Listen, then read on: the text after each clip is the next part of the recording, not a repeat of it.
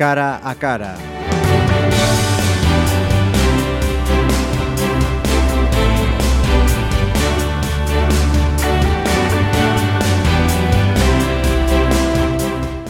Saludos en este cara a cara. Eh, Ana Ortiz acaba de tomar posesión de su cargo como subdelegada del Gobierno en, en, Pontevedra. La tenemos hoy en Pontevedra Viva Radio. Así que, en primer lugar, nuestra más sincera enhorabuena. Muchísimas gracias, Marisa. Y, y bienvenida aquí a Pontevedra Viva Radio. Muchas gracias por la invitación. Me gustaría, Ana, me vas a permitir que te, que te tutee. Me gustaría que quienes eh, nos escuchen conozcan a la nueva subdelegada aquí en, en Pontevedra. ¿Quién eres? Eh, ¿Dónde vives? ¿Cuál es tu formación? ¿Y en qué ha consistido tu última etapa profesional como secretaria de la Delegación Territorial de la Junta? Eh, a ver, eh, nací en Orense, vivo en Vigo hace 20 años, trabajo en Pontevedra hace otros 20 Eh, estoy casada, tengo dos niños, bueno, dos niños que ya no son niños, uno tiene 18 y otra tiene 14 siempre, años. Siempre seguirán siendo sí. los niños. Aunque a ellos no les guste mucho lo de los niños, sí, en el fondo va a ser así. Y mi experiencia profesional, pues mira, desde que en la Asunta llevo más de 20 años, estuve en Santiago de su directora general de familia, estuve en Orense de secretaria provincial de educación, Cuando me vine a Pontevedra ya me vine de secretaria provincial de Agricultura, que fueron ocho años los que estuve allí. Luego estuve tres años en Vigo llevando la Comisión de Asistencia Jurídica Gratuita y de letrada en el SMAC. Y luego en el 2009, cuando ya se creó la Delegación Territorial eh, uh -huh. de la Asunta en Pontevedra, me vine con Cores Teuris de secretaria territorial. Uh -huh. Y llevo, pues eso, ocho años bueno, hasta ayer llevaba ocho años en la Secretaría, pues eh, llevando un poco de todo, porque como sabes, desde que, bueno, la Secretaría fundamentalmente temas de personal, de intendencia, pero como bien sabes, eh, allí se centran todas las jefaturas territoriales. Uh -huh. Entonces, la figura del delegado es un poco la que aglutina todas toda, las áreas. Todas las competencias que tiene la Asunta en, en el territorio de Pontevedra. Entonces, sin, sin, llevarlas en profundidad, porque evidentemente para eso están los jefes territoriales de cada área, que son los que gestionan día a día y los que llevan el peso, uh -huh. y el delegado territorial, que tiene la representación institucional y que realmente está pues, él muchísimo más encima de todos esos temas, pues sí que es cierto que desde la Asunta eh, pues veíamos un poco de todo. Uh -huh. De sí, todos los temas que sí. se podían tratar, uh -huh. sí. Y eso cual... es un buen bagaje fundamental, pienso yo, hmm. que, que, que, puede ayudar muchísimo en, en esta nueva eh, competencia. Uh -huh. Y decía que mm, eso del servicio público, por tanto, para ti es un recorrido que ya tienes muy trillado, muy trillado. Sí, sí, sí, porque como te decía, en, en el servicio público llevo eh, pues 23 años, uh -huh. 23 años en distintos... He pasado además por distintos puestos, distintas consellerías, mm, entonces al final lo único que haces es enriquecerte porque tratas temas muy distintos, estás eso en agricultura, estás en familia, estás en presidencia, estás en justicia y al final lo único que te aporta, bueno, desde mi punto de vista yo llevaba gestión, pero sí que es cierto mm, que son distintos puntos de vista, distintos uh -huh. puntos de vista, distintos temas, distintas sensibilidades, porque mmm, trabajamos con papeles, pero no siempre son papeles. Hay muchas vidas detrás, muchos problemas uh -huh. detrás, dependiendo de los temas que trates, y realmente eh, eh, sí que es un bagaje importante a, a la hora de desarrollar tu vida a todos los niveles. ¿Y nos puedes contar cómo y cuándo supiste que te habían propuesto? Como, pues, pues hace, hace pocos días, la verdad. Eh, pues no sé si fueron 10 días o 12 días que, que me propusieron esta nueva andadura profesional y, y la verdad, pues eh, lo primero sentí una enorme responsabilidad un poco de miedo escénico, decir, Dios mío, cambio de administración, cambio de... Bueno, es diferente, ¿no? El trabajo es distinto, pero, pero al mismo tiempo, bueno, me hizo mucha ilusión que, que pensaran que yo podía ser capaz de, de desarrollar pues una buena labor al frente de la subdelegación. Con un orgullo cual, también. Eso te iba a decir, lo pensaste, pero al final Sí, lo pesó pensé. La, la, responsabilidad de decir. Porque, vamos a ver, también te cambia un poco la vida. Eh, no es lo mismo las responsabilidades que yo tenía hasta ahora, que eran mucho más de tipo interno, uh -huh. que ahora que tienes un papel un poco más institucional. Entonces, pues sí que es cierto que tu vida pues, va a sufrir cambios, eh, pero bueno, yo creo que, eh, que, merece, que merece todos los cambios que pueda, que pueda haber es, es, una experiencia que yo creo que, que voy a tener el, el, honor de vivir uh -huh. y que no siempre tienes esa posibilidad. Eh, yo quería hacerte una pregunta. Siempre que se hablan de todo lo que es eh, la, la, perspectiva eh, femenina, se puede em, malinterpretar, pero em, todos los profesionales de, del periodismo hemos coincidido en ponerte esa etiqueta de esa etiqueta no que es una realidad, es la primera mujer que ocupa la subdelegación del gobierno en, en Pontevedra. Sí. Eh, ¿Conlleva una responsabilidad mayor o es injusto que se te ponga esa exigencia por ser mujer? Mira, yo creo que, que es un poco injusto el, el, el, que se me ponga, porque realmente tampoco sé si se espera más o no se espera más. O sea, no lo tengo muy ¿Dónde claro. Está el rasero, ¿no? ¿Dónde está el rasero? Sí.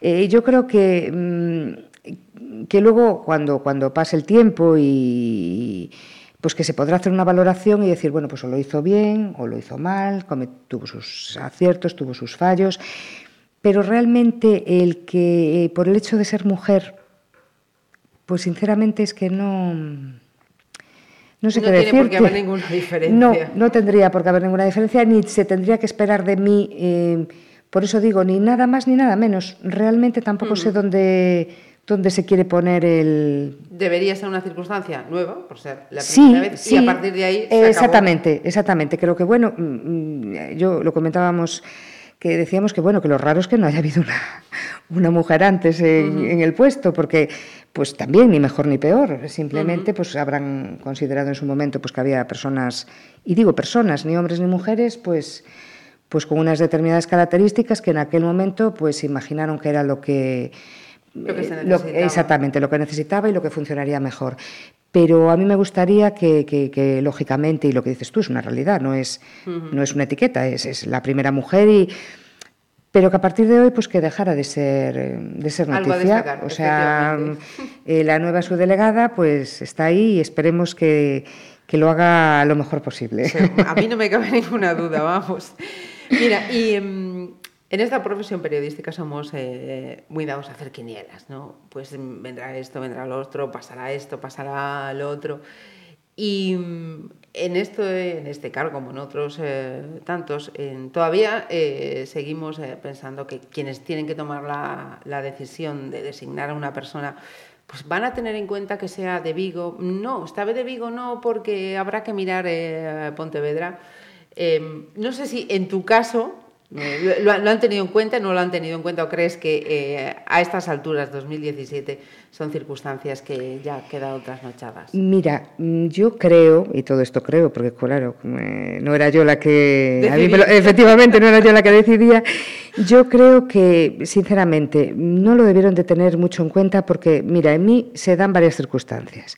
Yo vivo en Vigo, pero llevo 20 años trabajando en Pontevedra, entonces yo creo que más que, en realidad, mi ámbito de actuación ahora mismo va a ser toda la provincia, uh -huh. entonces va a ser Vigo, va a ser Pontevedra, va a ser Villa García, va a ser eh, Dozón, va a ser Lalín, va a ser Crecente, uh -huh. o sea, vamos a estar presentes en todos los ayuntamientos, los 60, en los 61 ayuntamientos de la provincia, y cada uno con sus peculiaridades, o sea que yo creo que el hecho de que viva en un sitio, que trabaje en otro, yo realmente me siento muy vinculada, a pesar de que por nacimiento no, no, no soy pontevedresa, me siento muy, muy vinculada con la provincia. Uh -huh. Ya te digo que por circunstancias personales, pues más si me apuras con Vigo y con Pontevedra, pues... pues por, por las dos circunstancias. Por las dos circunstancias de trabajo y de, y de residencia, pero también tengo mucha relación con otras zonas. Pues mira, estos últimos años he tenido muchísima relación con el Salnés, pues porque mi jefe era del Salnés mm. y teníamos una vinculación especial, a pesar de que, por supuesto, que se atendía en todas las zonas exactamente igual. Pero bueno, que siempre, que ¿sabes? Tienes, efectivamente, quizá, quizá, no, a lo mejor no con alguna parte tanto. que no te conocía tanto y que ahora conozco y me encanta, y que te dice el Salnés te dice eh, lo que hemos visto ¿no? a lo largo de, de todos estos años eh, que hemos andado mucho por la provincia y que me siento muy identificada con todos los sitios, unos por una cosa y otros por otra, que ya te digo, no podría decirte. Mira, y en tu intervención ayer en la toma de posesión del, del cargo, eh, hablabas de, de, tres áreas en las que querías incidir. reducir la violencia machista, reducir la siniestralidad eh, vial o mejorar la seguridad eh, vial y también reducir la, la, delincuencia en la provincia. Eh, ¿Qué margen de maniobra te van a dejar? Porque yo, yo sé que por ganas, vamos, y por hacer... Sobran, no, no ¿verdad? límites, pero ¿qué, ¿qué, margen de maniobra puedes tener para ir eh, trabajando en esas tres áreas? Hombre, de momento es lo que comentamos, que claro, estoy llegando, tengo que, tengo que ver, pero yo sinceramente creo que siempre, que siempre tenemos margen. El otro día comentaba con, con, con, cuerpos y fuerzas de seguridad del Estado que, bueno, que están implicadísimos, evidentemente, uh -huh. son los primeros interesados en que esto se reduzca, y decían que los índices de criminalidad en la provincia de Pontevedra que habían bajado, uh -huh. pero bueno, que ellos que no se sentían satisfechos porque lo que pretendían vamos a ver, llegar al índice cero va a ser imposible, pero sí que en el ánimo de todos ellos, que son los, los directamente implicados, está el intentar mejorar, el intentar mejorar, el intentar mejorar. En, en, los tres ámbitos que tú has comentado, el de la violencia de género es una lacra que en este momento... Sí, no, de 2017 llevamos ha sido un mes espantoso criminal y nunca mejor dicho. Y, y realmente eh, creo que tenemos que incidir muchísimo en la educación porque eh, no es normal que los chicos cada vez más jóvenes uh -huh. estén incurriendo en, en, actitudes machistas, en actitudes violentas, en que las chicas, eh, después de tantos años, permitan, inicialmente, porque luego sabemos que tienen otra serie de eh, de elementos eh, que exactamente que luego te pueden distorsionar que, que, realmente llega un momento que tú psicológicamente estás tan mal que tampoco eres capaz de reaccionar pero inicialmente eh, lo que las chicas deberían de sería de tener un rechazo frontal uh -huh. ante los primeros síntomas de posible violencia machista que creo que no entiendo por qué uh -huh. pero la gente joven lo está está Lo aceptando más, sí, sí, está asumiendo sí, más ese control, ese no salgas con, con, chicos, no tengas amigos, no hables con chicas. Bueno, cosas está que yo... celosísimo, lo tengo... Claro, ¡ay, qué bien! Está celosísimo, qué alegría. No, bueno, ay, perdona, vamos a ver. Cosas que yo, con los años que tengo, no he vivido, me resulta extraño Chocante. y súper preocupante uh -huh. Que niñas con la información que tienen, eh, con bueno que la, la, la, sociedad es de otra manera ya, creo que gracias a Dios la mujer pues ha dado muchísimos pasos adelante y que en este momento eh, lo observas además, o sea, en la facultad eh, la mayoría son mujeres, o sea, decir, hemos avanzado en muchísimos ámbitos. Y claro, y de repente te encuentras que niñas de 14, de 15, de 16 asumen ciertos roles como normales y me preocupa muchísimo, uh -huh. muchísimo. Entonces, eh, yo creo que más que intentaríamos, habrá que darle muchas vueltas y de hecho, bueno, el gobierno también está muy preocupado porque es, es una lacra la que tenemos encima, el, el, el prevención y educación. Uh -huh que las niñas, y digo las niñas y los niños, porque al sí, final esto tiene, es, son dos, ¿no? Eh, ellas que no admitan determinadas actitudes y ellos que no se le ocurra hacer determinadas actitudes. Mm. Y yo creo que eso mmm, no está de más eh, prevención y educación, educación, educación y educación.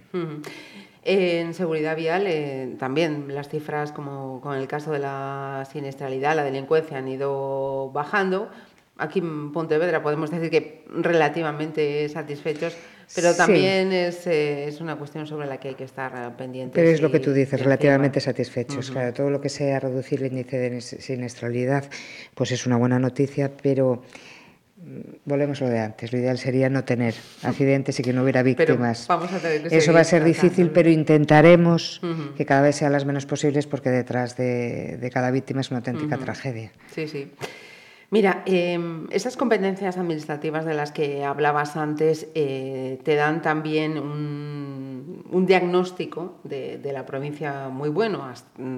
Trabajado, has tenido en tus manos diferentes áreas de toda la provincia y eso te supongo que, te va a ayudar en tus eh, nuevas eh, competencias. Yo no sé si em, lógicamente estás aterrizando todavía no, y todavía te quedan unos días de ir asentándote y demás, pero em, si te preguntara mm, por cuáles son esas necesidades o prioridades que crees que habría que ir empezando a trabajar.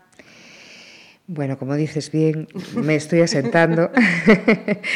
Llevamos muy poquitas horas, por decirlo así, porque realmente estamos hablando de horas, pero sí que que tengo una idea un poco en la cabeza de, las prioridades que pudiéramos tener, efectivamente, porque a pesar de que la Junta tiene muchísimas competencias y realmente están haciendo muchos esfuerzos en, muchos ámbitos, pues en lo referente al Gobierno central aprovecharemos esas enseñanzas, que no han sido pocas, han sido muchas, muy buenas y muy abundantes, y efectivamente tenemos un diagnóstico más o menos, pero ahora tenemos que ver los medios que disponemos, como las competencias más marcadas que tenemos, que sabes que son diferentes, y bueno, poquito a poco ir poniéndonos en el tema. Hay algunas eh, patatas calientes ahí que, bueno, ya, ya te tocará, ya nos irás eh, contando. Em, una cuestión también personal, quería preguntarte para para ir cerrando esta, esta charla. Eh, tenemos la subdelegación en la Plaza de, España. Ha habido subdelegados que sí, que, vivieron allí. En tu caso, eh, ¿vas a cambiar de domicilio o vas a mantener las cosas? Pues en principio voy a mantener las cosas como están, sí. Mantendré mi domicilio el que tenía. Y me vas a permitir un secretillo, así ¿Mm? delante del, micro. Eh, decías, es ilusionante que hayan pensado en mí, estoy emocionada, pero decía fuera del micro que, tiene esa cosita de... que todavía le hace sacar la lagrimita de, todo lo que deja atrás. Sí, por supuesto. Han sido ocho años maravillosos. He trabajado con auténticos profesionales desde mis jefes hasta mis compañeros, de verdad. Eh, me han dado apoyo, cariño, comprensión. Eh, creo que, hemos trabajado muy a gusto. Yo por lo menos he trabajado súper a gusto y que estoy convencida que esto es una nueva etapa y, lo que estabas diciendo, ilusionante, me siento con una gran responsabilidad, pero dejo atrás, que no lo dejo atrás tampoco, porque bueno, no deja de ser, es otra etapa, y, eh, pero sí, eh, gente maravillosa, hemos vivido, bueno, a veces situaciones difíciles también, hemos tenido que luchar en alguna ocasión con temas un poco complicados, un poco complicados pero lo que mm, de verdad eh, la gente que se queda en la delegación territorial es gente muy implicada, muy involucrada, gente eh, con muchísimas ganas de trabajar. Touris es una persona que crea equipos y te eh, te involucra en el proyecto. O sea, eh, es un hombre que, te deja hacer. Y al dejarte hacer es un hombre muy exigente, pero también te deja. Y entonces eso hace que todos, pues de alguna manera, estemos más más por la labor, de no importarnos eh, pues ni horas ni esfuerzos, porque lo primero que vemos que él es el que lo hace y nosotros pues faltaría más. Pero ya te digo, mm, un poquito de pena en ese sentido, sí. Ana Ortiz, de verdad que una gozada charlar una vez más eh, contigo y muchísimos aciertos. Yo estoy convencida de que sí. Muchísimas gracias. Voy a necesitar toda esa suerte. Gracias, Marisa.